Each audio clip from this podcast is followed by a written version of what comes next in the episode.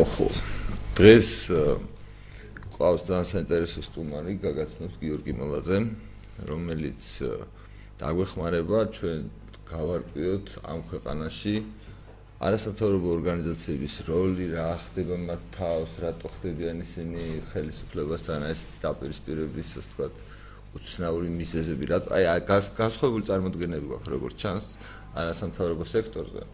და ამ ბოლო დაპირისპირების რაღაცნაირი მიზეზი გახდა გამოქვეყნებული განცხადება, რომელსაც 13 არასამთავრობო ორგანიზაცია აწერს ხელს და შესაბამისად რაღაც როგორც ჩანს ხელისუფლებამ როგორც წვავე წვავე განცხადება ჩათვალა, რადგან იყო ესეთი ისტერიული პასუხი ჩემი აზრით.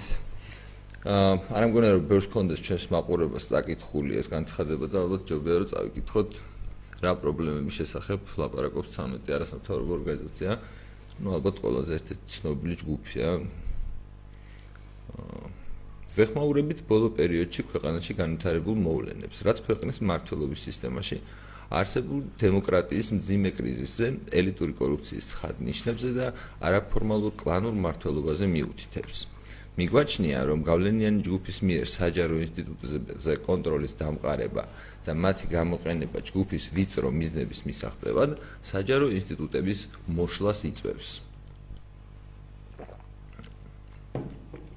ბოლო წლებში არაერთ შემთხვევაში გამოჩნდა, რომ არსებობენ ადამიანები, რომლებიც კანონზე მაღლადგანან და სრული ხელშეუხებლობით სარგებლობენ მართლობის ფორმალური და არაფორმალური სტრუქტურების პარალელური არსებობა ძირს უთხრის დემოკრატიული ანგარიშვალდებულების სისტემას, შინაარსაცლის ფორმალური ძალაუფლების მქონე პირების პასუხისმგებლობას და იწევს პოლიტიკური სისტემის მიმართ მოქალაქეების გაუცხოებას. წარსულში ადამიანის უფლებების მძიმე და სისტემური დარღვევის აღმოფხრისა და სამართლიანობის აღდგენის ლოზუნგით მოსულმა ხელისუფლებამ ვერაჩვენა ამ პრობლემების გადაჭრის და არსებითად განსხვავებული უფრო დემოკრატიული სისტემის შექმნის პოლიტიკური ნება. დემოკრატიული მართლობის სისტემის კრიზისზე მიუთითებს. ჩამონათვალი კლანური მართლობა სასამართლოში რის შედეგადაც სასამართლო ვერ უზრუნველყოფს კანონის უზენაესობის დაცვას და ხშირ შემთხვევაში მართველი ჯგუფის ინტერესებს ემსახურება. მეორე სამართალდამცავი სტრუქტურების პოლიტიზება რაც შეუძლებელს ხდის მართველი ჯგუფის წევრების ან მათთან დაახლოებული პირების მიერ ჩადენილი შესაძლო დანაშაულების, მათ შორის კორუფციული დანაშაულების მიუკერძოებელ გამოძიებას. მესამე, პარლამენტის როგორც პოლიტიკური ცენტრის სისუსტე და საპარლამენტო პროცესის უბრალო ფორმალობად ქცევა. მეოთხე, ვიწრო ჯგუფის მიერ საჯარო რესურსების მითვისება ძიმე სოციალური და ეკონომიკური მდგომარეობის ფონზე. სამწუხაროდ მართლმსაჯული ჯგუფის ბოლოდროინდელმა ხო, ну, შემდეგი რაღაცა ასეთი შეფასება და ბოლოს. შექმნილი მძიმე მდგომარეობის სიმძიმიდან გამომდინარე საჭიროდ მიგვაჩნია რომ პირველი სახელმწიფო ინსტიტუტებმა იმოქმედონ კონსტიტუციური ვალდებულებების და საჯარო ინტერესების შესაბამისად ამასთან არ დაემორჩილონ გარედან მომავალ შესაძლო უკანონო მითითებებს მეორე მოქმედმა და ყოფილმა თანამდებობის პირებმა ასევე ბიზნესმენებმა, ვისაც შესაძლოა ჰქონდეს ინფორმაცია ძალაუფლების ბოროტად გამოყენებისა და საჯარო ინსტიტუტების საქმიანობაში უკანონო ჩარევის შესახებ, ღიად განაცხადონ ამის შესახებ. მესამე, საქართველოს საერთაშორისო პარტნიორებმა განსაკუთრებული ყურადღება დაუთმონ ხელისუფლების მიერ ნაკისრი ვალდებულებების შესრულებას, მათ შორის ადამიანის უფლებებისა და კანონის უზენაესობის სფეროში. ეს არის განცხადება და რაც ამ პრობლემატიკაა და რაც ბოლო პერიოდში ქვეყანაში მოვლენები ვითარდება, მათ შორის არის პირდაპირი კორელაცია. და მე მართალი კითხრა, მაინტერესებს თქვენი აზრი, რა ნაწილში შეიძლებოდა თქვა ყოფილიყო რეალისტური აი ასეთი განცხადების კრიტიკა ხელისუფლების მხრიდან. ანუ რა დაეწუნება ან კონკრეტულად რაში შეიძლება ეჭვი შეიტანო და ესეთი კაფიო განცხადებები გააკეთო, რომ ისინი მიკვერძოებულები არიან და ფაქტობრივად პოლიტიკური პარტიები არიან. რას ფიქრობთ? პირველ რიგში მადლობა რომ მომიწვიეთ. აა მართალი გითხრათ აა ესეთი განცხადებები როცა ვრცელდება ხოლმე ჩემთვის თავარი რა არის იცით? ანუ დიდი სურათი რა არის? საჭდება ხოლმე ეს განცხადებები, იმიტომ რომ რაც აიკითხეთ, არ არის ესეთი რამე, რაც თქვათ შარშან იმის წინ თქვა არ არ იყო რეალობა რა ანუ ეხლა ნამდვილად არ აღმოჩენილა ეს ამბავი. უბრალოდ მე მგონი ერთი მომენტი რამაც ითამაშა როლი ამ ყველაფრის ამ ფორმით გამოხატვაში ეხლა არის სამშელოვანი პერიოდი რომელშიც ვართ ხო? ეს პერიოდი ეხლა არის ხელისუფლების ლეგიტიმაციის კიდევ ერთი პერიოდი არჩევნები ქვია ამ ამბავს ანუ საზოგადოება უნდა თავის პოზიცია ჩამოაყალიბოს კიდევ ერთხელ და მე მგონი ამას დაემთხვა სწორედ რომ საარჩევნო პერიოდში გაკეთა ეს განცხადება. მე მგონია რომ სწორია ზოგადად ასე დროს ამ განცხადების გაკეთება. და ალბათ ამიტომაც არის რომ ამას პოლიტიკურ სუძახის ხელისუფლება თulis რომ ეს მას პოლიტიკურ დარტყმას მიაღენებს და რა ვიცი ალბათ მიაღენებს კიდეც ამ დარტყმას მაგრამ არ მგონია რომ ეს განცხადება იყოს ერთადერთი და საინტერესო რა ზოგადად ამ რა ქვია არასამთავრობოების და ხელისუფლების ურთიერთობის ნაწილში. ზოგადად უნდა გვესმოდეს რასთან გვაქვს ურთიერთობა როცა არასამთავრობოებზე ვლაპარაკობთ ხო? აი ეს დეფინიცია რომ ხო ანუ რა არის საერთოდ დეფინიცია რა იმიტომ რომ ერთი ვიცით რომ ეს ადამიანები მუდმივად რაღაცებს გვეუბნებიან ასევე სხვების გეუბნებიან, მაგრამ მათი აზრი უფრო მნიშვნელოვანი ჩანს, რადგან ვიღაცეები ამას სერტიფიკატივით არის რაღაც. ხო, რაღაც ისეთი სტატუსური ამბავია რა, ანუ სტატუსი არის. აა არ არის ეს ხალხი არჩეული, დანიშნული და ასე შემდეგ და ჩდება კითხვა, რომ აი იმას რატო უსმენენ და მე რატო არ მისმენენ? აა მე მგონი ეს არის ერთი მთავარი კითხვა. იმ პირობებში, როდესაც თქვა არასამთავრობოებმა მე მგონი დაკარგეს ეს საზოგადოებასთან კონტაქტი და რაღაცნაირად აღარ არიან მაინდა-მაინც სახალხო ჯგუფები ან რაღაც მაინც იცნობთ თქვენ არასამთავრობო ორგანიზაციის წარმომადგენლებს. ძირითადად აი მე ვიცნობ აი ზუსტად ამარასამთავრობო ტელევიზიიდან და ვიცნობ აი ეს რაღაც ივენთებზე რომ აი მაინც სამწუხაროდ არის რომ რაღაცა წრე არის რა ადამიანების ანუ ან იცნობ ან არ არ გაქვს არანაირი შეხება რა მაინც რაღაც თეთრი კოშკივით არის სადღაც და ვიღაცა ზოგჯერ გამოხოლმე რაღაც განცხადებას აკეთებს და მიდის მე მე რა არ მგონია რომ სახალხოთ ამას ეფექტი კონდეს მაინდა მაინც ეს ამ წუთისთვისაც იყო რაღაცა შეიძლება რაღაცა გამაღიზიანებელიც იყოს გაუგებრობის შემთხვევაში როცა არიცი კონკრეტულად რას ვის ელაპარაკები ხო, აი, აი ვის ქვია უბრალოდ არასამთავრობო სექტორი რა. არ ვიცი, ამდენად დაილექა ეს საზოგადოებაში, როგორც ძალის მქონე რა, ავტონომიური ძალის მქონე, მე მგონი უფრო აღიქმება, როგორც აი საერთაშორისო ვიღაცეები ამათი ხმი ენით გვაფრთხილები. მე მგონი უფრო ეს არის რა ანუ თავარი არის ეს სექტორი აღიქმება როგორც ინფორმაციის გამტარი და არა როგორც თვითონ მაგერირებელი რაიმე იდეის და ინიციატივის რა მე მგონი ეს ცუდია. იმიტომ რომ რამდენიმე კვლევაც იყო სხვადასხვა ამ სექტორის რომელიც ამბობს რომ ძალიან დამოკიდებულები არიან ეს ადამიანები მათზე ვინც მათ არსებობას უზრუნველყოფს და ეს მე მგონი ცუდია რა იმიტომ რომ ოდესაც რესურსი არ აქვს შინაგანი საზოგადოებას შექმნა ადამიანები ვინც თავის აზრს დაიცავენ თავისუფალ აზრს დაიცავენ საჯაროდ იმ შემთხვევაში კი როცა ეს აზრი არც ერთი ესტაბლიშმენტის ანუ მაინდა-მაინც გავლენიანი ადამიანის ინტერესს არ წარმოადგენს, ეს ცუდია რა. ხა ამ წუთისთვის როგორც ჩანს, არასამთავრობო სექტორი აგრძელებს იმ ტრადიციასაც მას ჰქონდა, მას დამოუკიდებელი ძალა, როგორც ესეთი ცოტა ჰქონდა, სახალხოობას იშვიათად აღწევდა და როგორც წესი, აი საერთაშორისო ორგანიზაციების ჭრდილიდან ცდილობდა რაღაც თავისი მიზნების განხორციელებას და დღეს მე მგონი ეს მიზნებიც ძალიან გაუფერულდა. იმიტომ რომ რაღაც თუ ახლოს ხართ ამ სექტორთან, ნახავთ რომ ძირითადად ძალიან ფორმალისტურ მოსაწყენ იდეებთან არის დაკავშირებული ეს ყველაფერი რა. აქტივიზმი ბევრი გაგებით.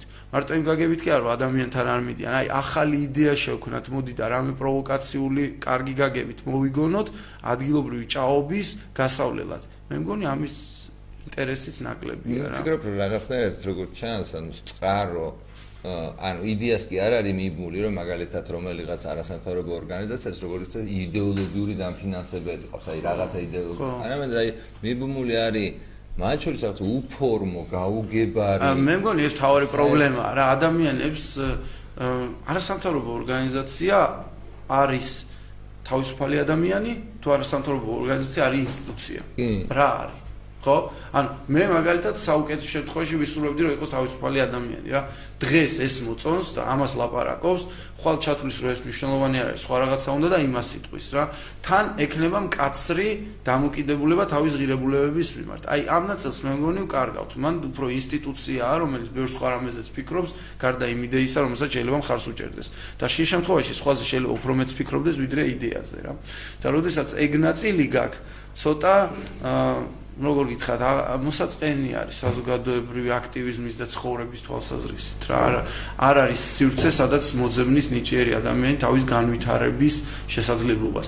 ამიტომ თუ დააკვირდებით, არასამთავრობოში უფრო პროფესიულად ვითარდებიან, ვიდრე ღირებულებითი ან რაღაც საზოგადოებრივი ან ფილოსოფიური ხელშეწყობილობის თვალსაზრისით რა, იმიტომ რომ მე მგონი, რაც რასაც უყურებდით, ეს იყო მართლა რაღაც ნეიტრალური ღირებულებითი თვალსაზრისით ინსტიტუციები, რომელიც აი ფორმალისტურად ზათ იყვნენ რაღაც რეფორმებისთვის ხარი დაეჭირათ რაღაცის არა. ეს რაც მოხდა კარგია, რაც ცუდი კი არა.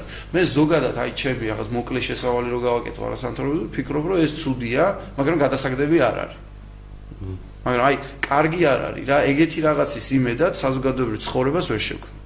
და საზოგადოებრივი ცხოვრების გარეშე, ხო, მაშინ პოლიტიკა არის ისეთი, როგორც არის არჩევნებიდან არჩევნებამდე. აი არჩევნების წინ შეიძლება ვთქვათ, რომ ბანზია. გიორგი, მიგაჩნია თუ არა, რომ მაგალითად არასამთავრობო ორგანიზაციები, მათ შორის, რა ვიცი, საკოლიტიკურ ვითარებაზე ღიად საუბრობდნენ, მათ შორის, ვიცი, თუ რამე იდეას ემხრობიან, შეიძლება არ გამოხატავდნენ სიმპათიებს რაღაც კონკრეტული პარტიების მიმართ, მაგრამ იდეებს მხარს უჭერდნენ და თქვათ ის რომ რაღაც პარტიამ თქვა რაღაც არაშინებდეთ იდეებს თუ მხარს არ უჭერენ, ვერ ხვდები სექტორის არსებობისას დღეს უკვე.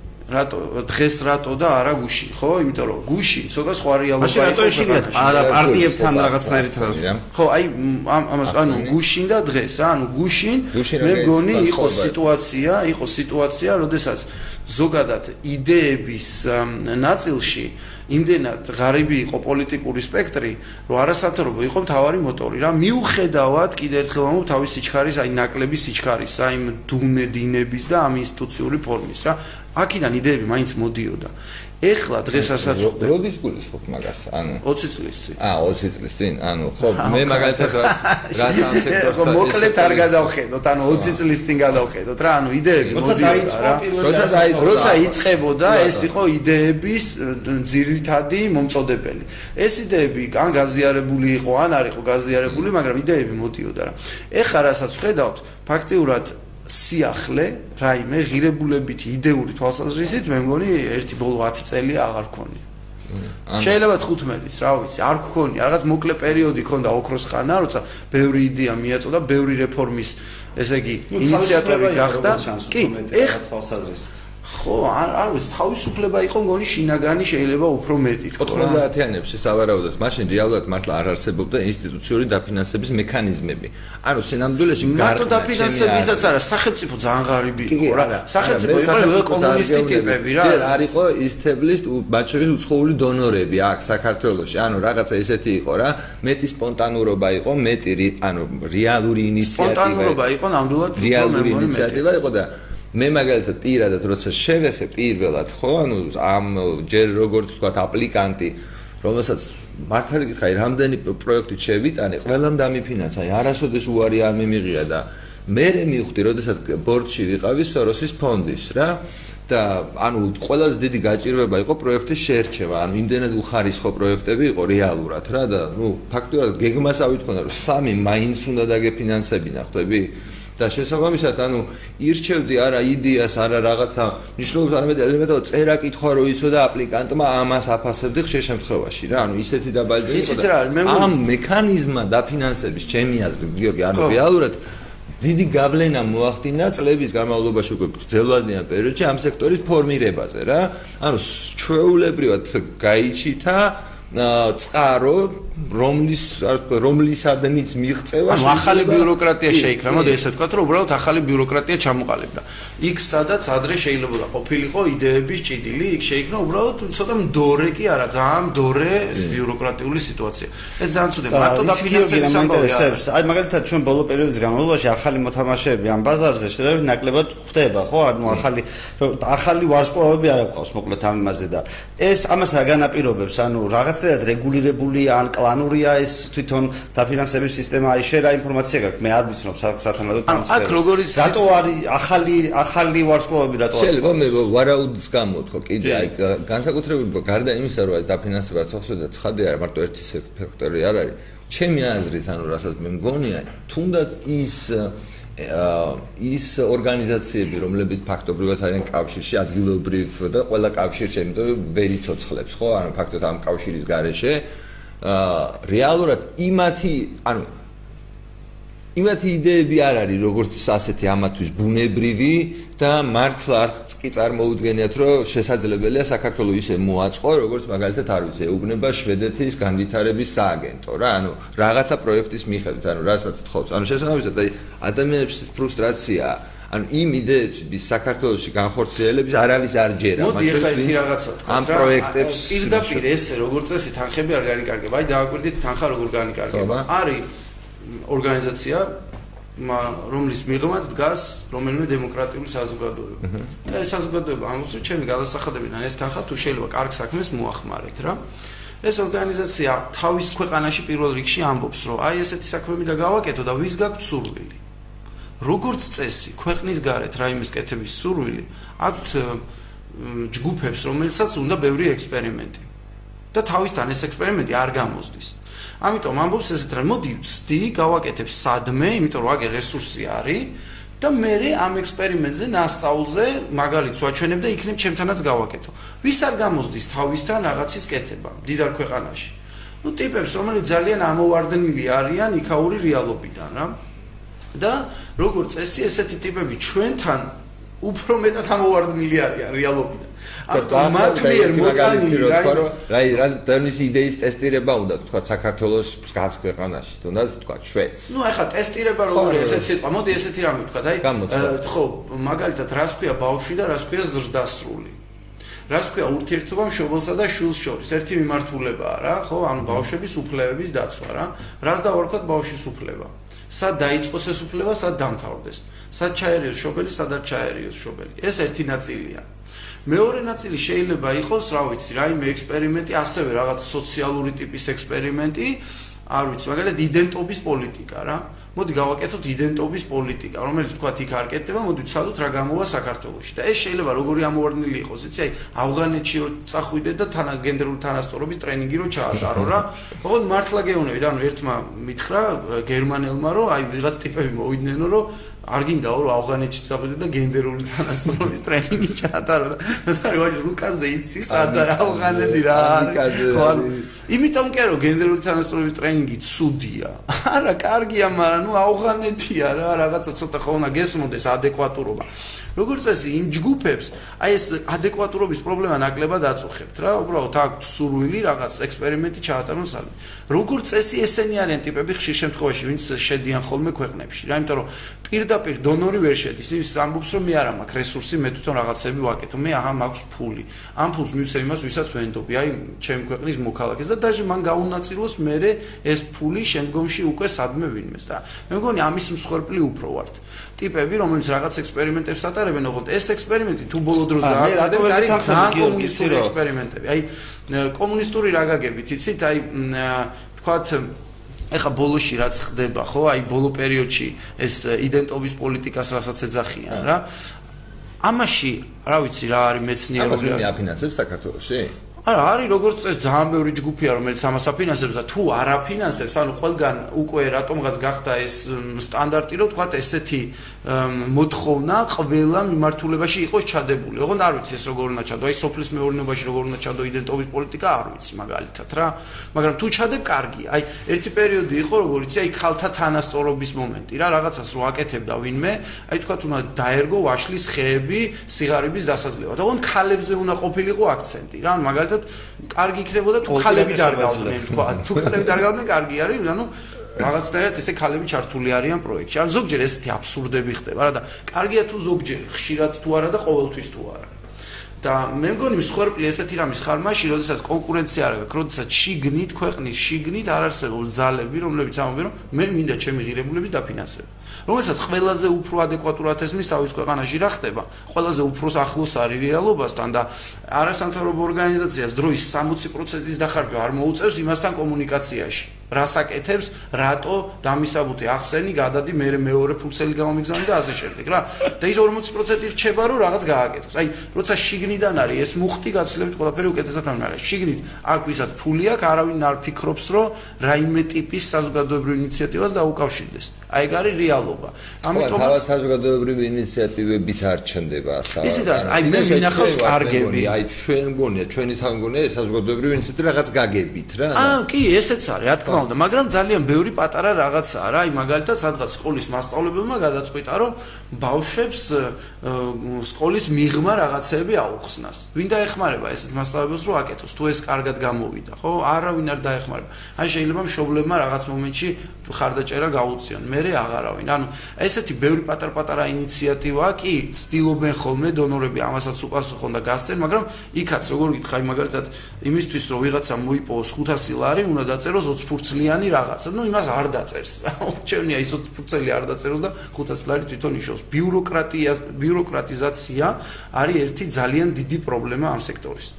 და ამ პრობლემას, რავი, ჯერჯერობით hm, არაფერი არ ეშველება და მე მგონი кайხანი კიდე არაფერი არ ეშველება. ერთადერთი რაც არის გამოსავალი ამ სექტორში და რასაც აი მანდ უნდა ვიფიქროთ მე მგონი არის რა კონკურენციის ნაწილი. ანუ ადამიანი მინდა გაგავლებინო რა. ანუ ეხლა მაგალითად ჩვენ ჩვენ რა საუბრობთ ესეთ არასამთავრობო და ანუ სამოქალაქო ინიციატივებზე რომელიც იდეაში არის ნამდვილი არასამთავრობო სექტორი და აქედან უნდა წამოვიდეს ყველაფერი და ყველაფერი. ეს ხოლმე წეგამე განცხადება რო წავიკითხე რა. ეგ ორგანიზაციები ხო აი მაგას რაღაც ახალგაზრდა იურისტთა ასოციაცია და რაღაც აი მაგლებელზე აღარ თამაშობენ რაღაც სხვა ტიპის წარმონაქმნები არის საზოგადოებაში რა. ძირითადად ჩვენ რასაც ანუ ჩვენ ახლა რასაც ყვებით სინამდვილეში ეხება უდიდეს ნაწილს არასამთავრობო ორგანიზაციების ფორმალურად ვიცი საქმიანობს და რაღაცა რა მაგრამ აქ კიდე შიგნით არის განსხვავება მნიშვნელოვანი მათ შორის რა.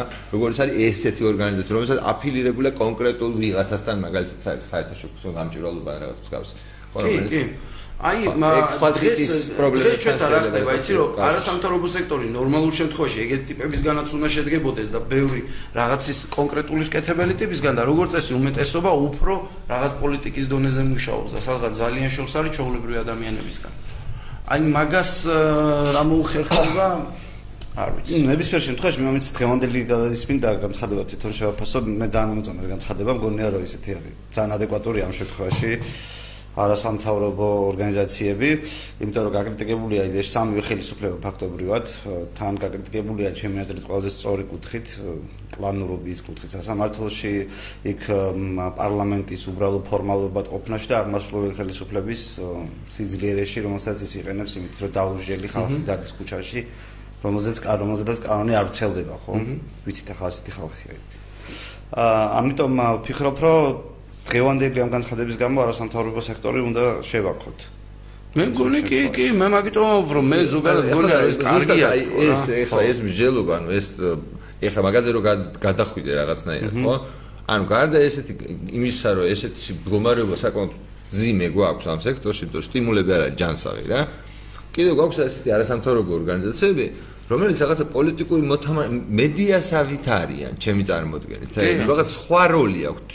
უბრალოდ არასამთავრობო ორგანიზაციები არიან. რაღაცნაირად თითქოს საზოგადოებრივი აზრის, აი, წეგარ მომბობდი რა, ექსპერტები და ასე სხვა, მიუხედავად იმისა, რომ არ ვიცით საიდან მოხვდნენ ეს ადამიანები ამ თანამდებობაზე რაღაც. რეალურად ჩვენი ნდობა მათ და მე არის მათი დონორების თუ მათთან აფილირებული საერთაშორისო ორგანიზაციების ნდობაზე გადის. ჩვენ ჩვენ ყავს მეგობრები და აი ამ მეგობრებისგან ვენდობით კი აი აი ეგ ამბავი. ანუ ჩვენ მენტალურად ყავს მეგობრები მოგწონს, როდესაც ჩვენ ვართ ევროპა, ჩვენი მეგობრები არიან დასავლური რაღაც დიდარი ქვეყნები ძალიან კარგია და ამიტომ მოდი ეს ხალხიც იყოს რა. ეგ ამბობ, ეგ ცუდია. მაგიტომ ამბობ, რომ ეგ არის თავარი ცუდი რა.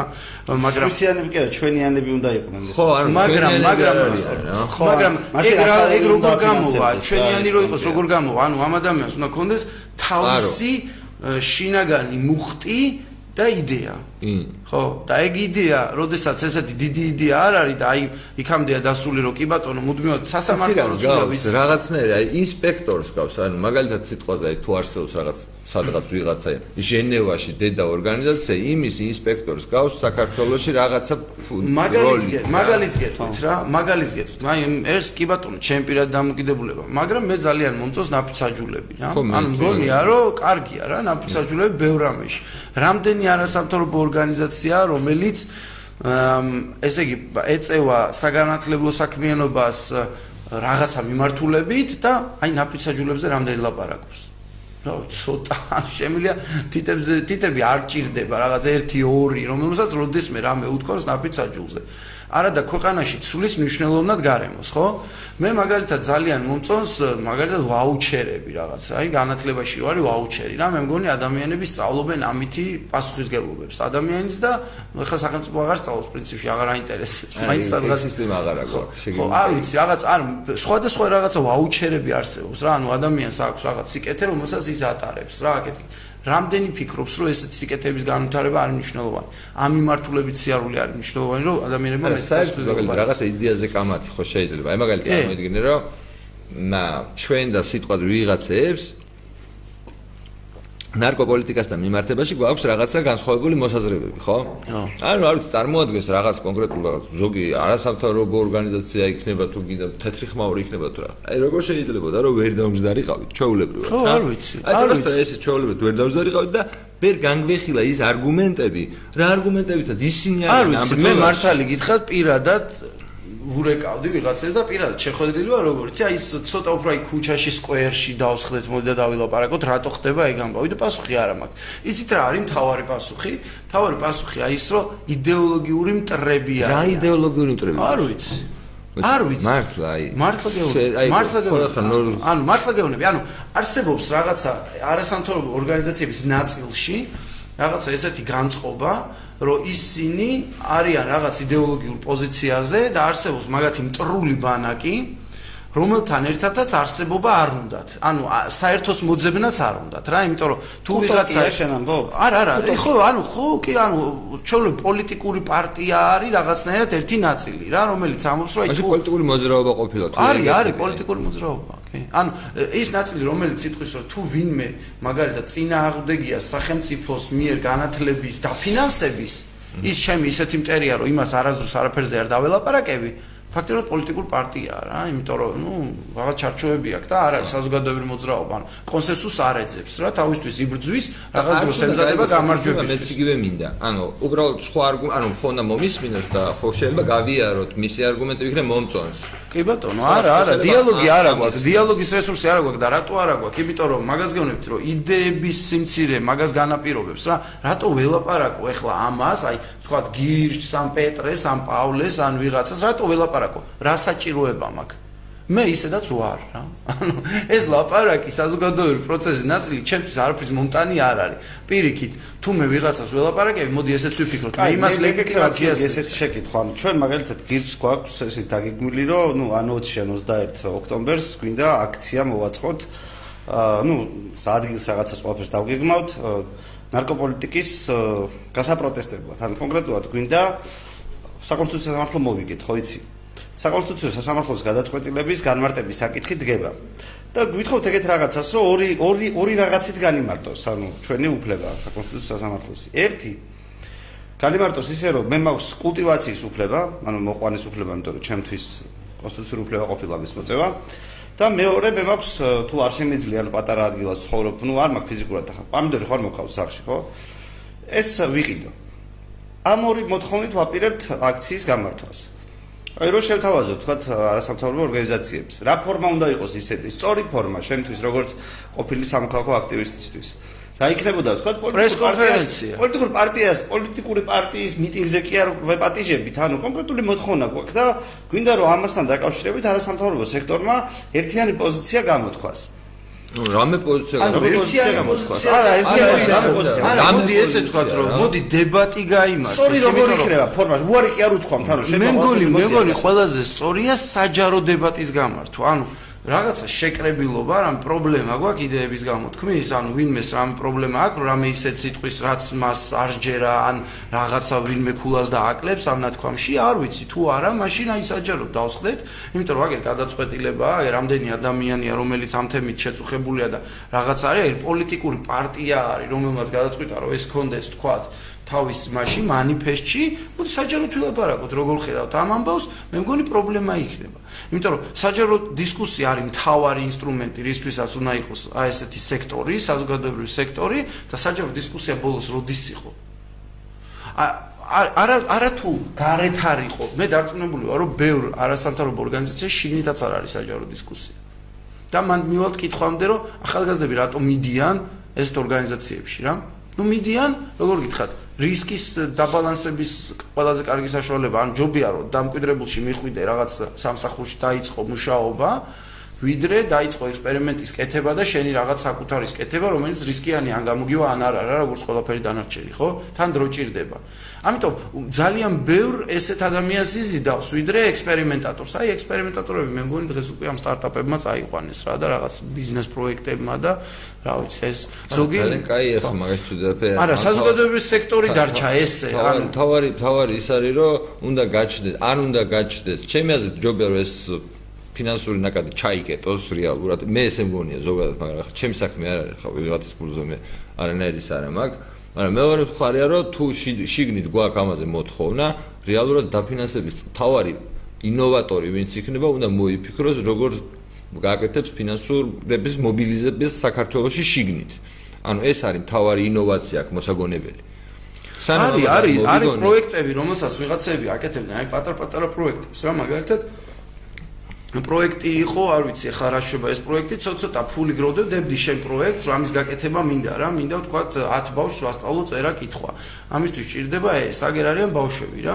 თუ ვიღაც ტიპები ფულს გაძლევდნენ. Kickstarter-ის მაგარი რა. ხო, რაღაცას გაძლევდნენ. აა მე გეთახვები, აი თუ გჭირდება 1000 ლარი ამ საქმეში, მომწონს ეს საქმე, აი შენ ჩემგან 20 ლარი.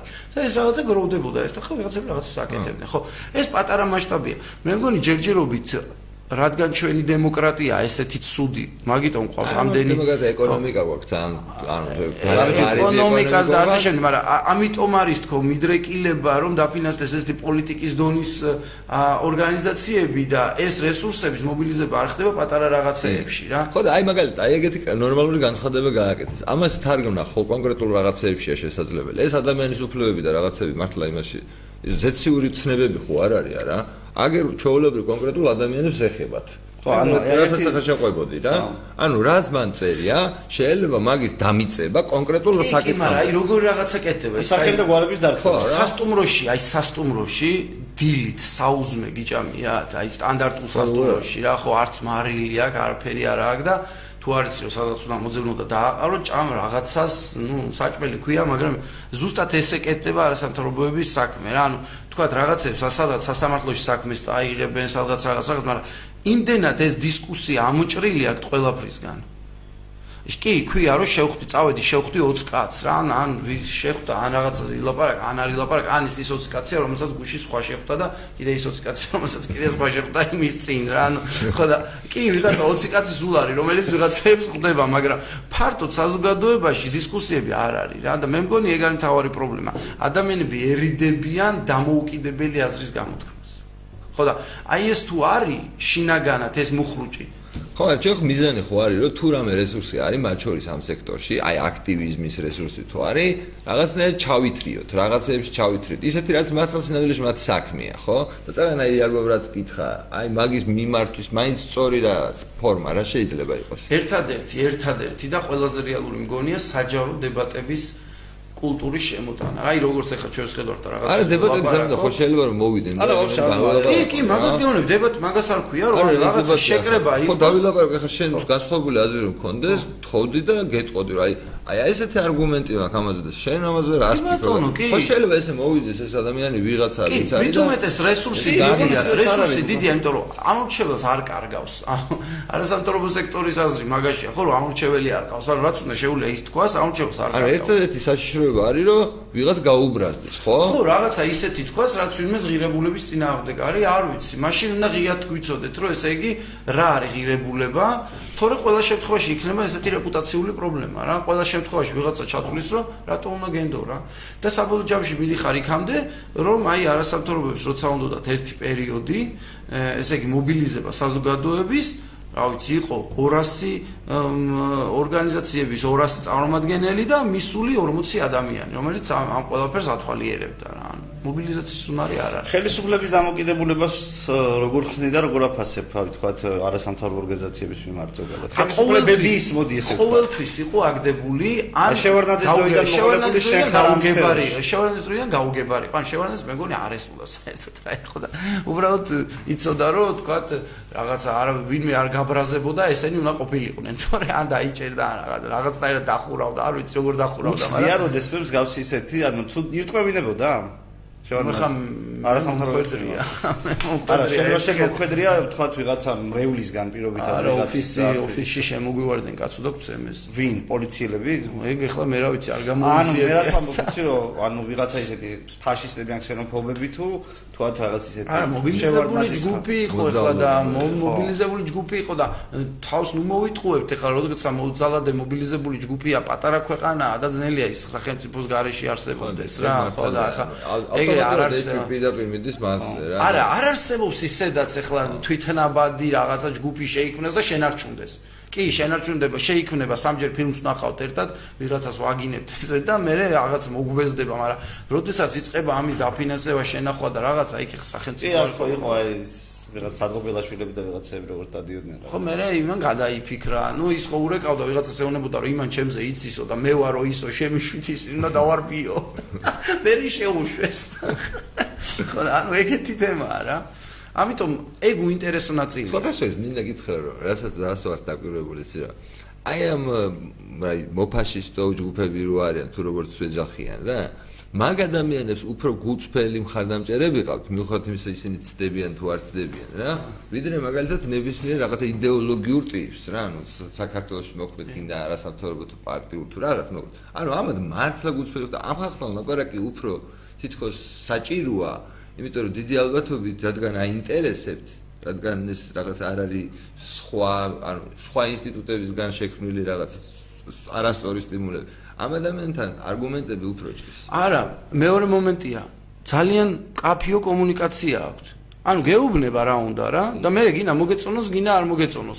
გეუბნება არ მომწონს ესეთი ტიპი, არ უნდა იყოს საქართველოში. ეხლა დაფიქრდი, თუ ეგრეა, ეთახმები მაგის ტიპი ხარ თუ არა და ამ სექტორიდან, საზოგადოებრივი სექტორიდან, არასამთავრობო სექტორიდან გვინდა უკეთეს დემოკრატია. სასამართლო არ იყოს კლანური. მე რა ვქნათ? თქვა, აი რომ მითხარი რომ ერთხელ მოხსენდეს მოსამართლე და უკეთესი იქნება, მოხსნეს არის უკეთესი. მეორეთ მოხსენი რომ მითხარი ის გაუკეთ, აი კონსტიტუციაში ჩაწერე, იქ ჩაწერე, აქ ჩაწერე, ყველგან ყველაფერი ჩაიწერა. მე და იაგო ლაპარაკობ ხოლმე მაგ თემაზე რა, რომ რაღაც ტიპები რო მოდიან და აი რაღაცა მიდის რეფორმა მაშინ. ან ამდენჯერ უნდა გააკეთო. მეოთხე ტალღაზე. ხუთი, მეოთხე, მეხუთე, რა ვიცი. ანუ წარმოიდგინე, ანუ თუ გესმის სისტემის პოლიტიკური შინაარსი, როგორც ეს არის მოწყობილი, ანუ ნუ თუ ეგ, ნუ თუ ვინმე ჯერა, რომ რადგან ეს რომელიღაც მუხლის მსგავსი ნორმა არის რაღაც ჰოლანდიურ კანონში ეს კანონი საქართველოსიც იმუშავებს ანუ უფრო მარტივია. მოსამართლეს თქვა ჩაუწერენ რომ შენა იყო დამოუკიდებელი. მოსამართლე მოდა რატო უნდა იყო დამოუკიდებელი? მე სახელმწიფო ხარ რომ გეტყვის და მიიღეს გადაწყვეტილებას. ანუ ეს იმიტომ არის რომ არასწორი მოსამართლე დანიშნე იმიტომ არის არასწორი კანონი და ამაზე ხო ვიღაცამ უნდა იდებატოს. ეს დებატები არ არის ეს დებატები თუ სადმე არის ძალიან ჩაკეტილ წრეში და როგორც წესი განსხვავებული აზრი არ არის ხოლმე. ჩვენ სასამართლოს არაფერი არ ეტყობენ ადებატარი გიორგი. ანუ მართლა არაფერი არ ეტყობენ. აი, მათ შორის ესე ხო სუ ჩართულები არიან, ანუ იმდროს ვისთან იყო, მე მგონი ჩვენ ერაძე უბრალოდ გიორგისთან საუბრობდით რა. ანუ მიუხედავად იმისა, რომ აი ძალიან ბევრი სწორი რაღაც რაღაც აი რაღაც ეს დამოკიდებული თითქოს მართლა ეს ეს არის გიორგი ყოთ შეიძლება მეშტება და სხვასთან ლაპარაკობდი, მაგრამ აი ამ პროცესში წლების განმავლობაში ჩართული ადამიანები როგორ ვერ ხედავენ რა შედეგი დგება მათ შორის მათი ჩართულობის შედეგად. ანუ როგორც მინიმუმ ხო უნდა გამოხვიდეთ თქვა რომ რაღაცა ადამიანურად პასუხისმგებლობა არ მინდა ამ პროცესზე რა. ან ჩემს ორგანიზაციას ვშოვ აღარ უნდა ასეთი თამაში. არასოდეს არ ყოფილა. არავის არასოდეს არაფერი არ გაუპროტესტებია. თითქოს რაღაცა ხელისუფლებასთან თანამშრომლობა თუ რაღაცა მასტარი რა. ანუ ნებისმიერ ეს თანამშრომლობის თანამშრომლობის ნაწილი არის მე მგონი ის რაც აი ამ აქტივიზმს კლავს იმიტომ რომ შენ თუ გინდა ჩემთან ითანამშრომლო, მაშინ მე ანგარიში უნდა გამიწიო. და მე ისე წესებს გიდევს, რაც მივად შენს აქტიობას კაბინეტურ აქტიობად ტოვებს. აი სავარძლის რევოლუციონერები და ეს სავარძლის რევოლუციონერი ხარ რა. აი რა მაგის ძალიან მაგარი მაგალითია, აი ნარკოპოლიტიკას კაკიტო აკიზოიზესთანო არასამთავრობო პლატფორმა იყო რა, ასევე არასამთავრობო რაღაც ბევრი ორგანიზაცია 40-ო თუ რაღაცა, ჯერ 40-მა ორგანიზაცია დოკუმენტი როგორ უნდა შექმნას, პროსტა ადამიანურად და დოკუმენტს წერს აზრი. აზრი აქვს ერთ ადამიანის თავში. შეიძლება ერთ ადამიანს მე ვიღაცემა განიხილონ რაღაც 40 ადამიანმა დავწერეთ რო ვეკითხებოდი რომ ეს მეთქი რატო ჩაწერეთ მეთქი ეს ხო არალოგიკურია? უმრავლესობა ამას ეთანხმებოდა. ბიჭო ანუ რაღაცა ხო შეიძლება რაღაცა პრინციპებს დააფუძნო. შენი ლოგიკა ხო?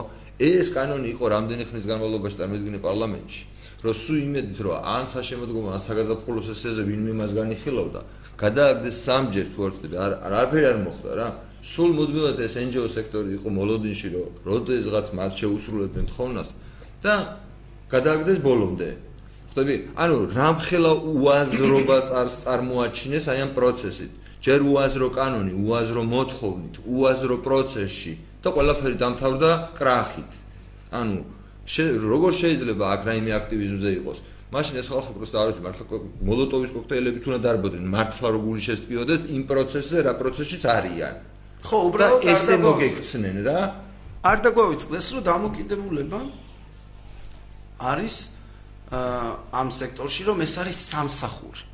ხო და მოლოტოვის კოქტეილით გამურიცხული ამბავი რა იმიტომ რომ ხა როცა სამსახური გაქვს ზუსტად იცი რომ ეგეთი კოქტეილი გაქცევის შემთხვევაში შენ ვიღაცა წრე ჩაქთulis რომ არაადეკვატური ტიპი გახდი ახლა შენ იმიტომ რომ ეს ხო ჩვენი სამსახური არ არის ჩვენი სამსახური არის რომ აი რაღაც საადოთ მე ხო რაღაც რეპორტი და რაღაცა კიდე ეგეთი რაღაც და ხო სხვათა შორის ეგ არ არის მარტო კიდე პრობლემა რომ აქტივიზმის ნაწილი არის მტარი. პრობლემა ის არის, რომ განსხვავებული აზრით მე მგონი ისჯება რა, ანუ ცოტა ავტორიტარული დამოკიდებულებაც არის. ანუ ჩემნაირად თუ არ ფიქრობ, ჩემთან რა გინდა. ერთხელ მაგალითად მე მგონი 2 წლის წინ იყო თუ რაღაცა სტუდენტები იყვნენ ჩამოსული პოლონეთიდან რა და მთხოვეს რომ თუ შეიძლება ლექცია რო ჩაატაროთო და პანელი რო იყოსო, სადაც არასამთავრობოებზე ილაპარაკებდა და ნუ ვილაპარაკე იქ რასაც ვფიქრობდი რა, რომ ეს არ არის დამოუკიდებლად აზრის მწარმოებელი ტიპები სკრებული რა და უფრო რაღაც ნაკარნახევით სამის გამხმოვანებლები უფრო არიან და ბევრი სხვა რაღაცასაც იყო ლაპარაკი და ბოლოს ანანაცვლიშვილი რო იყო თუ გახსოვთ საიაში რა, ისიც იყო ამ რა ეხლა პრეზიდენტის ანუ მითხო თუ ეს ძალიან არ მოგწონსო არასამთავრობო სექტორიო ეს რა ქვია რა დგინდაო იქ იქ რამის კეთებაო რა? რა არ მოწონდა რა თვითონ იქ რაღაც სკეთება ანუ ანუ ხო რაღაცა თუ არ მოგწონო წადი რა. ესეთი მონტე ჩემი ეგ დამოკიდებულება ეგ ეგ დამოკიდებულება ხო ზოგადად ჩვენთან ბევრგან არის და მე მგონი ეს დაავადებაც ამას გადაედო. რა იმიტომ რომ ზოგადად აი ეს პოლიტიზაციის ამბავი ხო ეგ არის რომ პოლიტიკური ას ნიშნავს ჩემიანი ხარ რა თანამოაზე პოლიტიკურ ჯგუფს იშვიათად ყავს რა ყავს თანამოაზრე ან გამყოფია რა უბრალოდ მოდებატე იშვიათად ყავს. და იქაც მოდებატე დაიკარგა რა და მოდებატე რო იკარგება განვითარებაც იკარგება ეს შენს გარდა აწუხებს ახლა აი რაღაც ადამიანების ჯგუფს ახლა აი ახლა მე ვინა ვარ ძალიან ბევრს აწუხებს ალბათ და დარწმუნებული ვარ იქაც ან მე სხვა შორის რამდენიმე შეხვედრაზეც კი ყოფილი ვარ. ხარ ხო მოქმედი არასამთავრობო ნუ მე უფრო ახლა აკადემიურ ნაწილში იქაც რაღაცებს ვაკეთებ მაგრამ უფრო აკადემიურ ნაწილში ვარ მაგრამ კი რა თქმა უნდა რაღაც შეხვედრებზეც ყოფილი ვარ სადაც ამ პრობლემებს ესე დასვამენ ხოლმე. აი ბოლო მახსოვს რომ ვიყავი ესეთზე იყო როგორი რაღაცა იცი რომ აი მე გავაკეთებ ესეთ რამეს და მე ვთხარი რომ ამას რო აკეთებ რისი გჯერა. ანუ მაგალითად, აი, თქვა, მინდა დავეხმარო გაჭირებულ ადამიანებს. აი, რისი გჯერა, რას ნიშნავს გაჭირებული და როგორ გინდა დაეხმარო და ეგ არ არის მნიშვნელოვანი რაღაცა. პროექტს გავაკეთებ რაღაც დავეხმარები გაჭირებულ ადამიანებს რა. ანუ ის რომ ეს ამ ყველაფრის მიღება შეიძლება რამე იდეა იყოს, ან რაღაც ღირებულება იდგეს, ან ამაზე არ არის მნიშვნელოვანი რა ფიქრი რა. შეიძლება რაღაც უბრალოდ აქტიობა ჩაატარო და მორჩა. და ეს ხო ეთყობა ხარისხს. კონდოდი. პლასტმასის ხდება. ხო, აი ეგ მომენტია რა, როცა არც გულს არ ჩადებ, ხო? თუ რაღაც არ გჯერა, რაღაც არ გაინტერესებს, ხო? იქ ეს იქნება ფორმალურად გაკეთებული რაღაც შედეგები გექნება. მაგიტომაც უგებს ხო სამდვილეში ხელისუფლება არასამთავრობო სექტორს. დღეს ძალიან უგებს. ჰა? დღეს ძალიან უგებს და кай ხანია უგებს. იმას რაც არ უნდა, აი იმას ქემაის თავისი ინტერესი მაინც აქვს ჯანსა კონკრეტულად. და მან არ იცის ერთ რა უნდა. ანუ მაგიტო უგებს. აი ხა მართალი გითხრათ, მოდი შევხედოთ იგივე საბრძოლო ერთიანი იდეა არ არსებობს ისა მოდი იგივე ლეგალიზაციის ნაწილს შევხედოთ, გნებავთ დეკრიმინალიზაციის. რაც გინდა ის დავარქვათ რა, მოდი დეკრიმინალიზაცია დავარქვათ. დეკრიმინალიზაციაზე ყველამ თქვა რომ კარგია და რაღაც.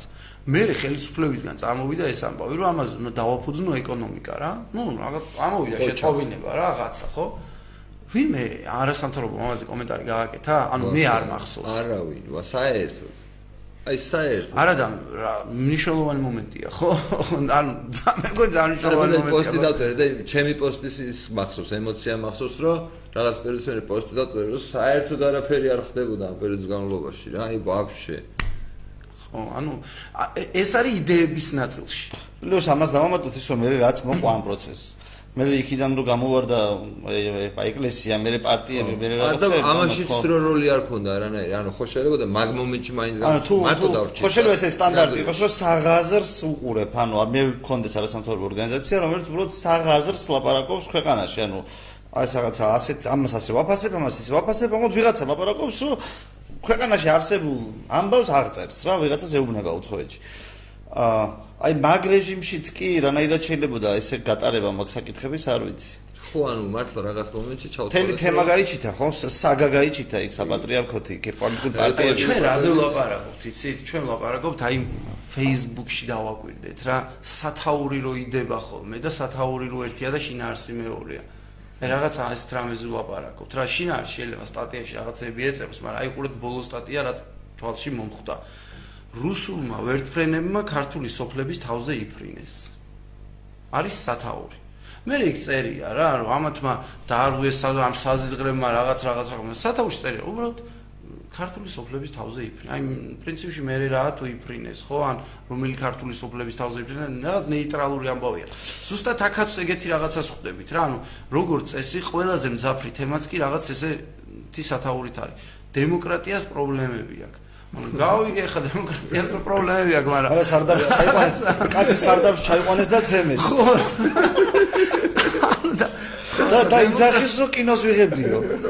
ხო. კინოში მონაწილეობდი. ან რაღაც ეგეთი რაღაც, ну კი, დემოკრატიას ანუ ან ძალიან, ძალიან არაადეკვატური, ან სასამართლო არის კლანური, ანუ ხო, მაგრამ აი რაღაც რა შეიძლება კლანის სასამართლო კი არა, შეიძლება ხვალ ვიღაცა გაგაში შლოს, ქუჩაში გარბენოს, მატრახით გაგამატრახოს.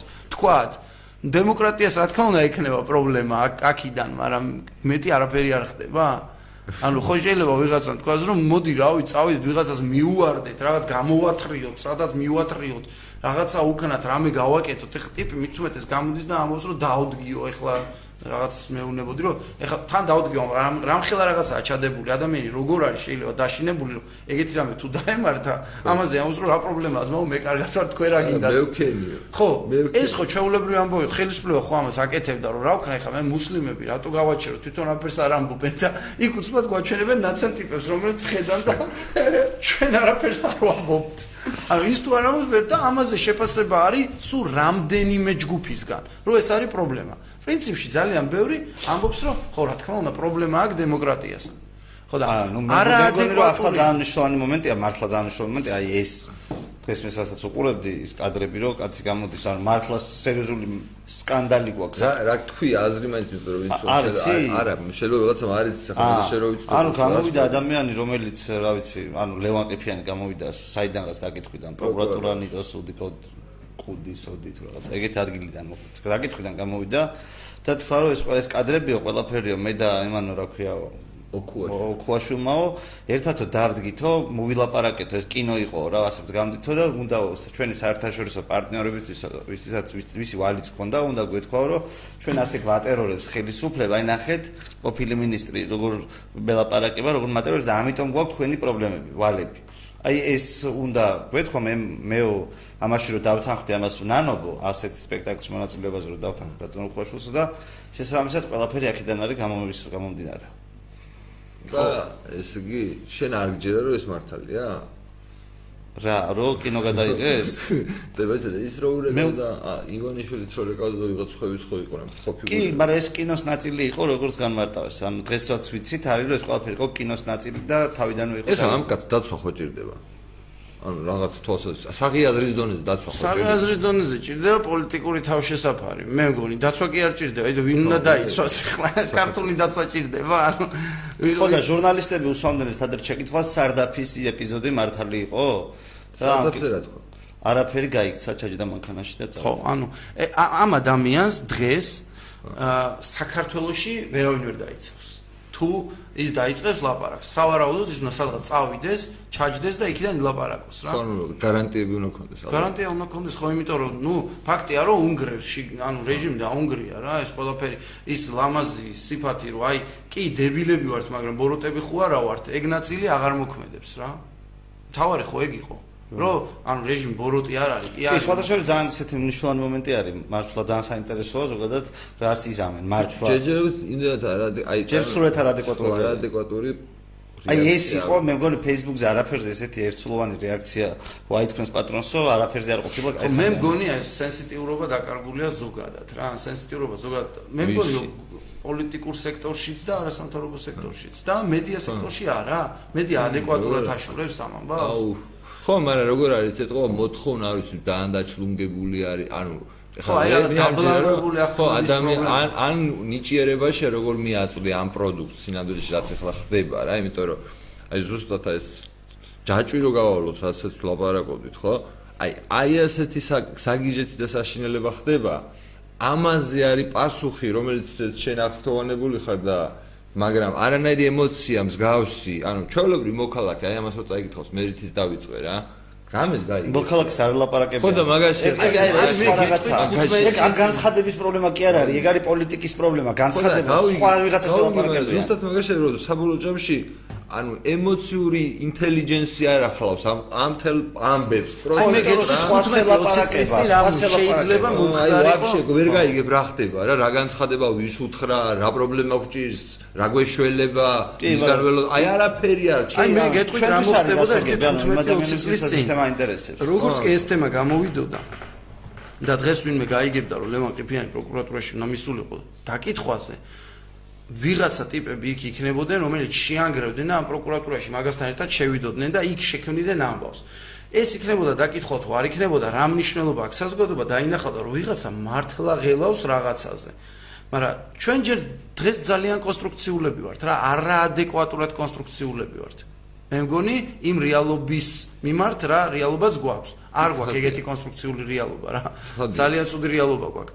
და მათ შორის თქვათ ის თან არ ვიცი სხვა შორის რითი აქვს. ერთ ნაწილში რა თქმა უნდა შიშია რომ აი პრობლემა თავის ტკივილი არ უნდა მაგრამ აი მეტი რა არის არ ვიცი. რა მე მგონი უფრო კონფორმისტული რა ხო გადაიზარდოს? ანუ წარმოიდგინე რომ ეს რეალობა თუ აგერ რასაც ხედავთ არის ანუ პასუხი ჯეჯერობით საერთოდ არ არის ანუ რა რა შეიძლება იყოს რაღაც მომავალი ანუ რა შეიძლება გადაითარგმნოს ამას ამ ტიპის პრობლემებზე გაჩუმება და ვაფშე არაფრის გაკეთება. რა რა რა შემდეგ ნაბიჯი რა მო. ცირა არის იდეაში ნებისმიერი არასამთავრობო ორგანიზაციის ანუ რაღაც არა არასამთავრობო ორგანიზაცია ვაფშე ქვეყანა ანუ ამ სიტუაციაზე ვიძახე ანუ თუ ამაზე არასამთავრობო ძალიან პატარა ის არის ანუ მართლა მაინტერესებს რაც შენ ახლა მოყევი რომ ეს კაცი გამოვიდა და მართლა იმოქმედა ხო ჩემზე რომ გამოვიდა სიგიჟე ჩაიდინა მან გაიქცა ბოლოს რაღაც მანქანაში ჩაჯდა პასუხი არ გასცა და გაიქცა რა ანუ ეგეთი ამბები ხდება ქვეყანაში. ანუ დიდი დიდი ალბათობით მართლა ის არის რა ქვია, ტერორიზმს ხერხია. კაცი ყოფილი მინისტრია. ხო, ან გარიგების. ანუ ხრენიოზნეთ მართლა რა ხდება თვითონ ამ საქმეში? კი, კაცმა არის. კაცმა არის ის. და საქმეში ჩართულია ხალხი, რომელიც პრემიერ-მინისტრს კაცად ართვლის. ხო. ანუ აი ეგეთი სასწაული სიტუაცია ხო და ანუ მე მგონი პირველად ძალიან თვალსაჩინო ხდება არაფორმალური მართლობის კონკრეტული კლანჭები ანუ ბიჭებს ზოგჯერ 4 მილიონი ჭირდებათ ხო? ხო ანუ აი კონკრეტული კლანჭები ანუ მასშტაბებიც ხო ეგეთია. რომელიც აი მაგას მაგას მაგას რომელიც რას ლაპარაკობს ღიად საუბრობს რომ ღიად საუბრობს რომ ვიღაც კაცი არსებობს რომელიც ბიზნეს სახელით გელაპარაკება და ნიშნობა არა რაღაც ფულს გთხოვს ბიზნეს სახელით მოლაპარაკე კაცი და ამ კაცის მიმართ ბრაზდება თუ არ დაუჯერებ ანუ გაბრაში ისეთი გაბრაზდე თუ არ დაუჯერებ რომ ვერც ამ მოსაკლავი გაგიხდეს. ხო ნუ კონკრეტულად მე მგონი პირველად არის ეგეთი ეგეთი ისეთი შემთხვევა როდესაც არსებობს ანუ ამ ხო სიამოვნებაში ხდებოდა ისე რომ უნდა დაალაგებულიყო ბიზნეს ინტერესები და ვერ დაალაგდა და დამლაგებელს და ბიზნესმენ შორის როგორც ჩანს ბიზნესმენის ფიცხი კაცი აღმოჩნდა, წარმოიშვა კონფლიქტი და ამას ვუყურებთ. ჩვენ აქედან გავიგეთ ამის შესახებ, თორე. ეგეთი რაღაცები რამდენი შეიძლება ხდება ჩვენ ზურგს უკან. ხო, რა თქმა უნდა. აქ პროსტა უბრალოდ ერთმა ადამიანმა, რომელსაც მაინც მე საკუთრე იყო ფული ქონდა როგორც ჩანს და შეეძლო საკუთარ თავს მიცა უფლება. უფლება. ხო. და სხვათა შორის აი აი აკუსთან მიდოდა ხო ვერ ვილაპარაკე აკუსთან ამთელოდეს რატოღაც რატო რატო ჩავთვალე რომ აკუსთან მელაპარაკე არ ვიცი მაგრამ ის არის ამ ამ ამის თქვა მიდოდა რა რომ ეს პრობლემები ნახე ორივეჯერ შეექმნა მეთქი ტელევიზიის ფლობელ სიგარეტის კომპანიებს იმას და პირველსაც თავის დროზე რაღაც პონჩი იყო ამ საქმეში ეხა ეს რაღაც და ორივე წარმოიდგინე რომ წინასწარ გაიმზადა ფარი. რეალურად რა. მედია საშუალება რა. ანუ ხო მაგრამ რაციონალური ასეთ ქვეყანაში როცა ეგრე ხდება საქმის გარჩევები სულიად რაციონალურია წარმოიდგინე რაღაც აჩაღობის მასშტაბი. თან აფერისტობის მასშტაბი როდესაც ამ ცვლილებებს რომელიც აი აქციის გაზდასთან არის რა დაკავშირებული აპრავებ მოქალაქეების ჯანმრთელობაზე ზრუნვით ხო. წარმოგიდგენია ანუ და ამის მერე ამხელა ფული რო იჭდება რომელიც უნდა ამოიყო დამატებით და იმას იყოფენ სინამდვილეში. იმ ფულს რომელიც მათივე რეგულაციის შედეგად გაიჩითა დასათრევი ამ ფულის განაწილებაზე და სინამდვილეში საუბარი ანუ ძალიან მარტივია თემა რა რეალურად. ხო რა ვიცი ხო მე მგონი და როგორ არ შეიძლება ანუ NGO საქმე რა შეიძლება იყოს რომ ეს სიტუაცია აღწეროს ცოცხლად ხო? დამაჯერებლად აღწეროს. არა მარტო არა მარტო სიტყვით რა მოქმედებით. მოქმედებით ხო ანუ რა არის ამაში? ანუ ამაში ხო თავარი ამბავია. თავარი ამბავია პრობლემა რა. რომ ანუ ეს კიდე ანუ თავრობასა და ბიზნეს შორის ურთიერთობა როცა დაშვებულია და წახალისებულია, პრობლემა ეს არის. ანუ იათაქვეშეთა ურთიერთობა ურთიერთობებით, ანუ რომელიც არა საჯაროები, ანუ როცა საჯარო წახალისებულია, ჩვენ დაგეხმარებით, როცა ამას პოლიტიკური ძალა საჯაროდ იძახის, ანუ ის უშვებს, რომ მასა და ბიზნეს შორის შეიძლება არსებობდეს ურთიერთობა. და თუ ეს ურთიერთობა არსებობს და როცა საუბარი არის ქვეყნის მესამედზე ეკონომიკის, ქვეყნის ეკონომიკის მესამედზე. გასნია იქ რაღაცა პრობლემები. მაგრამ მოდი ბოდიში დააკვირდით და პასუხი გვექნება აი ამ ფრაზაში. დააკვირდით რა არის ძირითადი ემოცია აი ამ საზოგადოებრივად აქტიური ტიპების. არაფერი გვიშველება. არის ამ საზოგადოებრივად აქტიური? არაფერი გვიშველება რას ნიშნავს? ან როგორ შეიძლება თქო რომ არაფერი გვიშველება? ნიშნავს რომ უბრალოდ არ იცი რა უნდა ვაკეთოთ. მაშინ რა გინდა? ან საერთოდ რამეს რატო აკეთებ ამ მიმართულებით, რომ წადი ემიგრაციაში ან რაღაცა რა ვიცი, ისეთი რამე აკეთე, სადაც რაღაც შეგიძლია რომ შეცვალო. აი, თუ გონია რომ არაფერი გვიშველება, თუ გონია რომ ჩარეცხილი ვართ, გაფუჭებული ვართ, აღარ მოიშალა, მორჩა, ნუ ესე იგი შენთვის ეს ადგილი აღარ არის. ხო და მე მგონია რომ ძირითადად აი ესეთი პესიმისტური და რა ვიცი, ესეთი განწყობის იმაში ვართ, რა და გარედან რო შეხედო, გარედან და აი ესეთი რაღაცები იკითხო, პრინციპში დაბეჭდილება გაქვს რომ რაღაცა ცუდი აღმოსავლეთ ევროპული ქვეყანაა რა. მაგრამ სიამდვილე რაც არის, ყოფდებით რომ შეიძლება საერთოდ აღარ იყოს არაფერი თუ ეგრე გაგრძელდა და სახელმწიფოებრიობა უბრალოდ არ არსებობდეს, იმიტომ რომ დაკარგოს ყველანაირი ბმა ადამიანმა ამ ინსტიტუციებთან, რომლის არსებობა შეიძლება ინარჩუნებს აქ ამ სახელმწიფო იდენტობის სახელმწიფოს.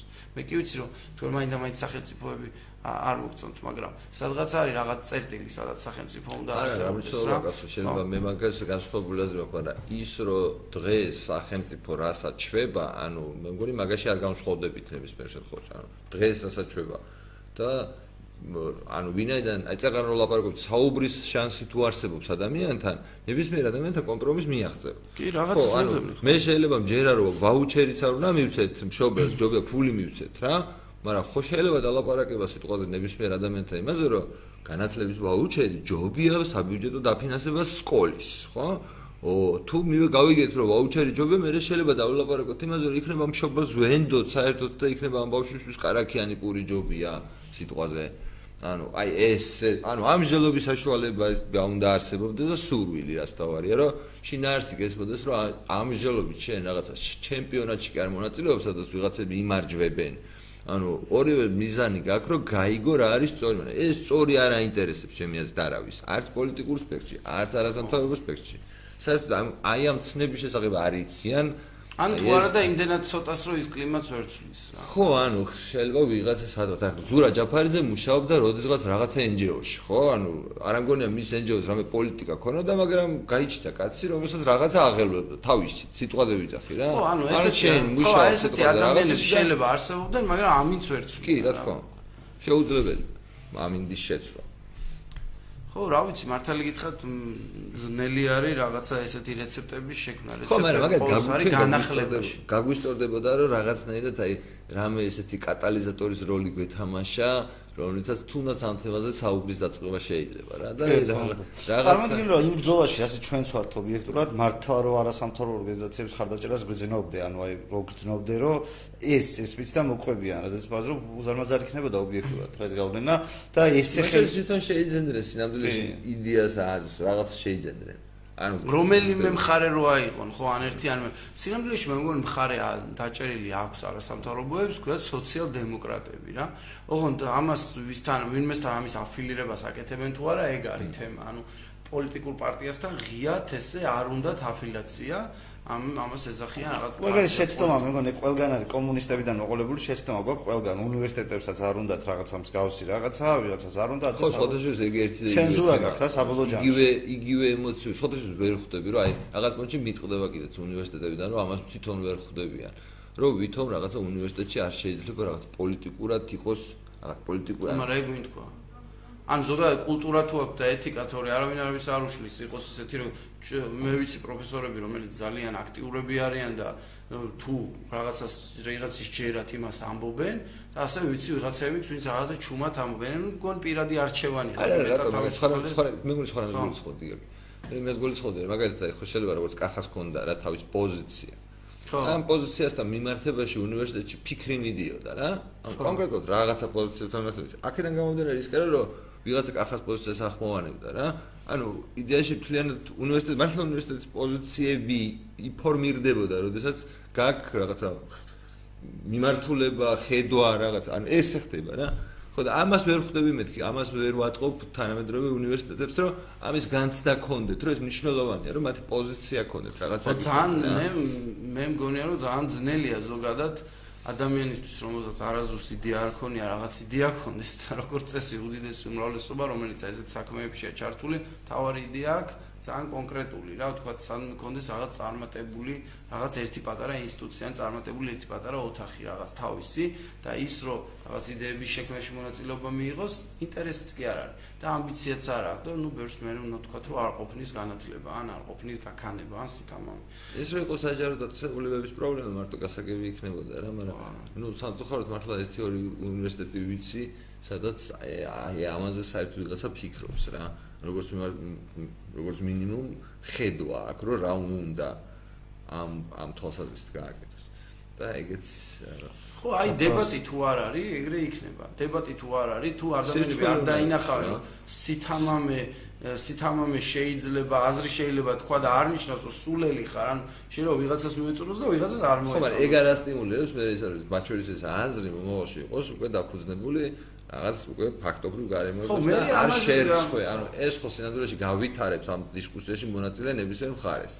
ანუ მოთხოვნა ხდება, მოთხოვნა ჩნდება ხარისხზე მათ შორის. ამ დისკუსიის ანუ სინამდვილეში რაღაც აზროვნების გაუმჯობესების მექანიზმი, რეალურად მე მგონია რომ მაინც უნდა შევთავაზოთ. რა ჩვენ არაფერს არ კარგავთ?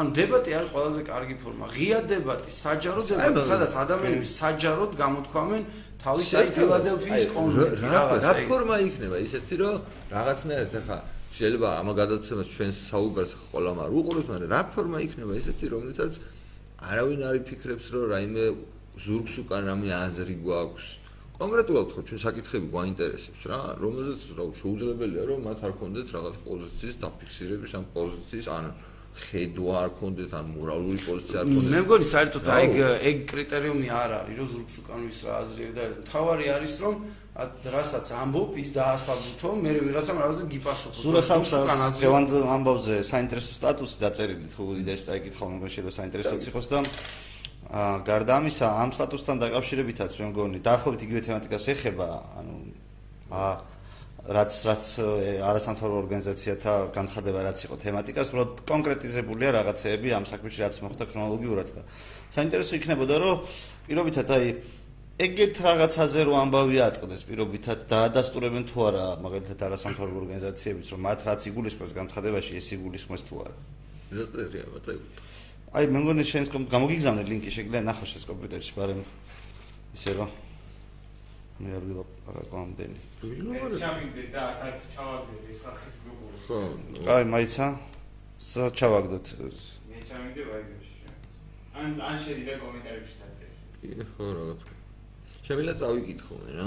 თქვენ ჩააგდეთ. კიფიანი ოქუაშვილის ამბავზე. ზურას სტატუსია. თუ ყიფიანის დღევანდელი კომენტარი ნახეთ, საერთოდ არ მგონია საღლიცინო. რამდენად ნეგატიურადაც არ უნდა იყო განწყობილი ყიფიანის მიმართ, ყველა იმათი დედავატირე, ვინც ადამიანი შეიძლება ას მდგომარეობაში ჩააგდოს. ასეთი თავხედური გაправება მოუფიქროს და საჯაროდ ათქმევინოს. ის რომ ეს ადამიანი ამდენი დღის განმავლობაში ხმას არ იღებდა, იმალებოდა და დღეს ასეთი სკოლის მოსწავლის ვერსია დადო, ჩემთვის პირდაპირი ჩვენება რომ პირველი ოქუაშვილის ჩანაწერები რეალურია, შეიძლება დამონტაჟებული, მაგრამ არსი ეგაა რაც ისმის. მეორე, ყიფიანი მართლა ეხმარებოდა ოქუაშვილის ხელისუფლებასთან დალაგებაში. მესამე, კვირიკაშვილმა რომ ვერ დაალაგა სიმართლეა. მეოთხე, ფარცხალაძის და სარდაფის ინციდენტი რეალურია. მეხუთე, ყიფიანი მიუხედავად იმისა, რა საშინელებაც გადაიტანა, დღეს ისეთი დაშინებულია, სავარაუდოდ ისევ ფარცხალაძის ფარცხალაძის მიერ რომ ზადა ნებისმიერი ბოდვა მოყვეს კამერების წინაშე და ამ ხელისუფლების კომკავშირა წარმომადგენლები ლაპარაკობენ აღდგენილ ღირსებაზე. ფარცხალაძე არის ადამიანი რომელიც უნდა ყოფილიყო ამ ქვეყნის გენერალური პროკურორი და გადავრჩით რომ შემთხვევით გაირკვა მისი გერმანიაში ქურდობის ამბავი. გენპროკურორობიდან წასვლის შემდეგ თუ კი ვინმეს პოლიტიკასთან ან ბიზნესთან ახლოს ჩაულია ყველა ლაპარაკობს იმაზე რომ ის არის ოცნების შავი საქმეების შემსრულებელი და ამის გამო სრული კარტბლანში აქვს ბიზნესგან. რამდენიმე წელიწადში ეს ფარცხალაძე ხდება მილიარდერი. თან ისე რომ საქმეების ნაწილი მაგალითად ქონებების ხელში ჩაგდება საჯარო დადოკუმენტირებული კორუფციული გარიგებებია. ყავს საკუთარი შეიარაღებული დაჯგუფება, რომელთან ერთადაც გადაადგილდება ასობით ათას დოლარიანი უახლესი ავტომობილებით დაახლოებით ისე როგორც კადიროვი ჩეჩნეთში. ასევე ყველა ლაპარაკობს რომ ის უპრობლემო დაალაგებს საქმეებს სასამართლოში და მოსამართლეები მას ისევე ემორჩილებიან როგორც ადრე ადეიშულს შეუძლია საჯაროდ ფიზიკური შეურაცხყოფა მიაყენოს მაღალი რანგის საჯარო მოხელეს ჩხირებში სცემა სახელმწიფო აუდიტის სამსახურის უფროსი. ეს ფაქტი დააფიქსიროს ვიდეო კამერებმა არსებობდეს ამ ფაქტის არაერთი ცოცხალი მოწვევა და მიუხედავად ამ ყველაფრისა მას ვერ უბედავს მიკარებას ვერც ერთი სამართალდამცავი სტრუქტურა ფარცხალაძე არის ჩვეულებრივი კრიმინალი, რომლის ადგილი არის ციხეში. მანამ სანამ ეს ადამიანი არის თავისუფლებას და სარგებლობს ასეთი მასშტაბური იმუნიტეტით, ის რაც დამართეს ყიფიანს, შეიძლება დამართონ ნებისმიერ ჩვენგანს.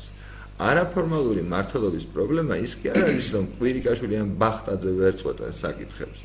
პრობლემა ისაა, რომ ფარცხალაძე წყვეტს ბევრ რამეს. შეუძლია გადათეულოს ნებისმიერი ამ ქვეყანაში და გააგრძელოს გავლენის და ფულის მოხოჭა ისე თითქოს არც არაფერი მომხდარა. ნებისმიერი ოცნების წევრი ყველა მათგანმა იცის ეს ყველაფერი რომელიც ამ რეალობას საკუთარ სინდისთან აპრავებს იმით რომ ვიღაცამ უნდა აკეთოს შავი საქმე სხვანაირად არ გამოდის ან იმით რომ მიშას დროს უარესი ხდებოდა სინამდვილეში არის ქვეშაჯვია. ა სინდის გარეცხი ამას თუ ჩავყვაფავ ადამიანობაზე პრეტენზია ნუ ხარ გვექნება ყიფიანი ვინ არის კარგად ვიცი ოქუაშვილის ვიცი ვინ არის და მიშაც. ეს ბოლო ორი რა თამაშებს თამაშობენ? თქვენზე უკეთ მესმის მაგრამ ეგ არ და ვერ ამართლებს. ყელამდე ასეთ ქაქში ჯდომას. რა მე მგონი ენჯოებს რომ დაეწერა ესეთი განცხადება? არ ვიცი ხო, სენსაცია იქნება, თუმცა ერთი და იგივე სწორია, ხო შინასწორია, გასწორდა ხო არ არის. უბრალოდ აი წარმოიდგინე რომ ემოციის ნაწილია, ანუ რაღაც აი ესეთ განცხადებას ელოდები ხოლმე რაღაც საერთაშორისო ორგანიზაცია, აღშფოთდი რაღაცით და შენ იცი ზიმედ რაღაცა შევშკო, განზიში თუ რაღაც რაღაც ეგეთი. აი ეს აკლია რა, ადამიანურობა ხსახალხოობა აკლია რა.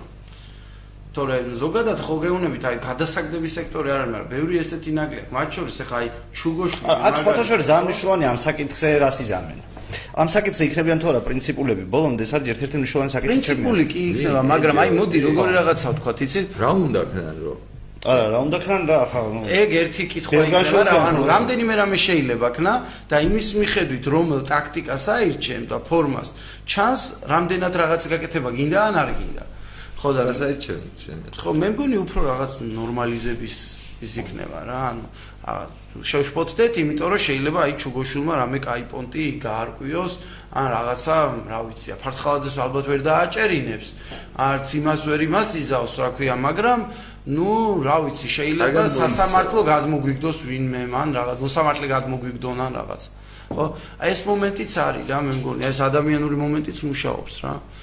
იმიტომ რომ ესეც არ შეიძლება ხო თქვა ჩუგოშულს აქვს მეგობრები რომელსაც სერიოზული გავლენები აქვს იმაში რა ქვია ამ სექტორში და ბუნებრივია რომ თუ რაღაცას შეუძლიათ ერთმანეთში დაილაპარაკონ რა და როგორ ჯობია არ ვიცი ოღონდ რისთვის.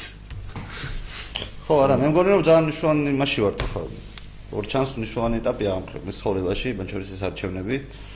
და ვფიქრობ რომ მათ შორის რა ვიცი არასამთავრობო სექტორსაც მოუწევს რაღაც პონჩი ყურადღებით დევნება თვალყურს არა არა იმიტომ რომ რა მაგრამ შეცეხლა ეგეთი ტერმინი ყურადღებით თვალის დევნება ეგეთ რამე? არ არის პრობლემა. აქედან და დაკლიშებულია შეიძლება მეც ჩემშიც კლიშეა მაგრამ მგონია რომ მაინც აქედან დავიწყო დაიწყო. მე მგონია თუ დააკვირდი ამ მოვლენებს ან მართლა ყურადღებით თუ დააკვირდი რეაქცია ვერ გექნება ფრიგიდული ჩემი აზრით. ანუ ბევრად უფრო კონკრეტული და ის გექნება ხო, მაგრამ აგერ აკვირდებიან რა. ანუ აგერ აკვირდებიან მეთქი, მაგრამ ესე გამოიხატება. ხო, მაგრამ ნებისმიერ შემთხვევაში მაინც ეს განცხადება, რომელიც იყო მთელი ხელისუფლება ამაზე ავარდა და მთელმა ხელისუფლებამ თავის მართლება დაიწყო. ხო, არა, ეგეც არის რა. ეხლა ვიგინო, ეგეთ ხელისუფლება რო ყავს, რომ აი ესეთ რაღაცაზე, რომელიც ხო ფაქტია, ხო, რამ ხელა ის უნდა გქონდეს სინამდვილეში ხა პრობლემა, ანუ რავი, ნორმალურ საზოგადოებაში არის პანტაპუტით უნდა ცვიოდეს ვიღაცების თავები, ხო? ანუ რაღაც ნორმალურ საზოგადოებაში აქ რა ესეთი იყოს. და ამის გაგივრად რა ამ არასამთავრობოების ესეთ რაღაც დაწურულ განცხადებაზე გამოვარდნენ და პარტიებად უნდა დაგარეგისტრიროთ ეუბნებიან. ანუ ისინი სად არიან საერთოდ? ისინი სად არიან? ანუ ხამდენი ხანი ლანძღავთ ფაქტურად რაღაც ჭალებში არასამთავრობო სექტორში. ისინი სად არიან ბიჭო? არა ისინი ისინი არაცივილურად იქცევენ. ხო, ანუ ისინი მე მგონი უკვე მართლა. ხო, არა, მე მგონი უბრალოდ კონსტრუქციულობის მე კი რა შეიძლება გინდოდეს აი რაღაც რესურსი, აუ ისი, кай ხანი ამოწურულია, მაგრამ ეს кай ნიშანი. კიდე აი ბოლო აი თემად რო შევეხოთ რა. აი წარმოგიდგენთ რა უნდა იყოს არასათორო სექტორი, რომ ქართული ხელისუფლება მისით კმაყოფილი იყოს. ანუ მიშას დროსაც ხო ესეთი სიტუაცია იყო, ანუ წინა ხელისუფლების დროს ესეთი სიტუაცია იყო. ანუ რა მნიშვნელობა აქვს, ანუ არ მახსოვს ხელისუფლება, რომელსაც მოწოდა. ნუ აი რამე მფრინავს პილოების თემაზე თუ მუშაობ, კმაყოფილი იქნება რა. მოდი როგორ რაღაცაზე ვიმუშაოთ, იცი? არა, აი როგორ იყოს საქართველოს უკეთესი 2030 წელს. ნუ ხო ეხლა ვიმუშაოთ რა, ვიფიქროთ და 2028 წელს ჩავუშვათ გეგმა. და თქვა თუ 2028-ში ვიტყვით რომ აი 30 უნდა გადავავადოთ ცოტა, იმიტომ რომ მზად არა ვართ, იმიტომ რომ მაგალითად საკმარის ღარიბს ვერ მივხედავთ 2030-ში, ესე თუ ვიმუშავებთ. მივხედოთ საკმარის ღარიბს 2050-ში, თქვა და ახალი გეგმა შევქნათ, რაღაც ეგეთი კაი იქნება ანუ რაც უფრო ორიენტირებული იქნება ეს სექტორი, რაღაც აი ეს სამომავლო ხედვაზე და განვითარებაზე, მით უკეთესია. ანუ რაც უფრო მეტად კონსტრუქციული იქნება ის დღეს.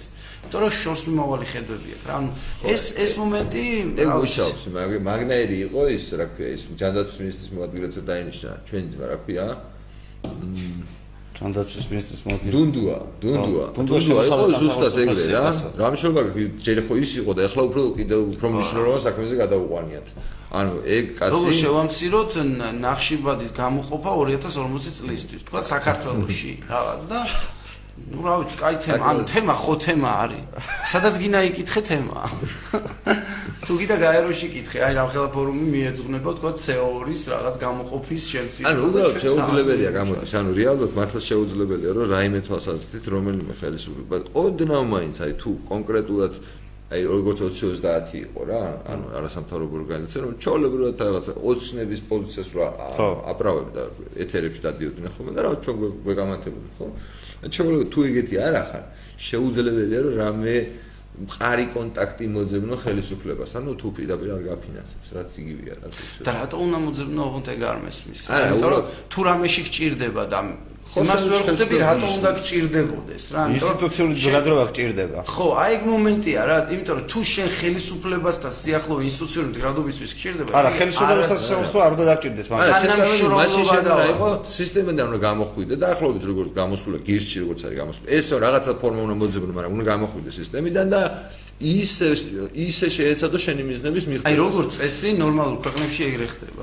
ხო და ანუ რეალურად რეალურად ამათთვის სხვა გზა უცნობია გარდა მათი ასე ვთქვათ პირდაპირ კავშირის, იმიტომ რომ ის პრობლემები, ყველა პრობლემა ხო სანდროში აი პროექტებს რო ვიძახი, ხო? რეალურად არის რომ ხელისუფლება რაღაცას თუ შვება ნიტოს და ჩვენ არასამთავრობო ორგანიზაცია ან რაღაცა იქ ისინი უნდა მივაკრათ რა ქვია რაღაც ფეჩები დავლატყოთ თუ რაღაცა ვქნათ ან რაღაც ხელისუფლებას ჭკუონო ვასწავლოთ რა რაღაც კონსალტინგური რაღაც მომსახურება ჭირდება ხელისუფლებას ანუ იმისთვის შრომობ იმისთვის ვარსებობ ძირითადად რა.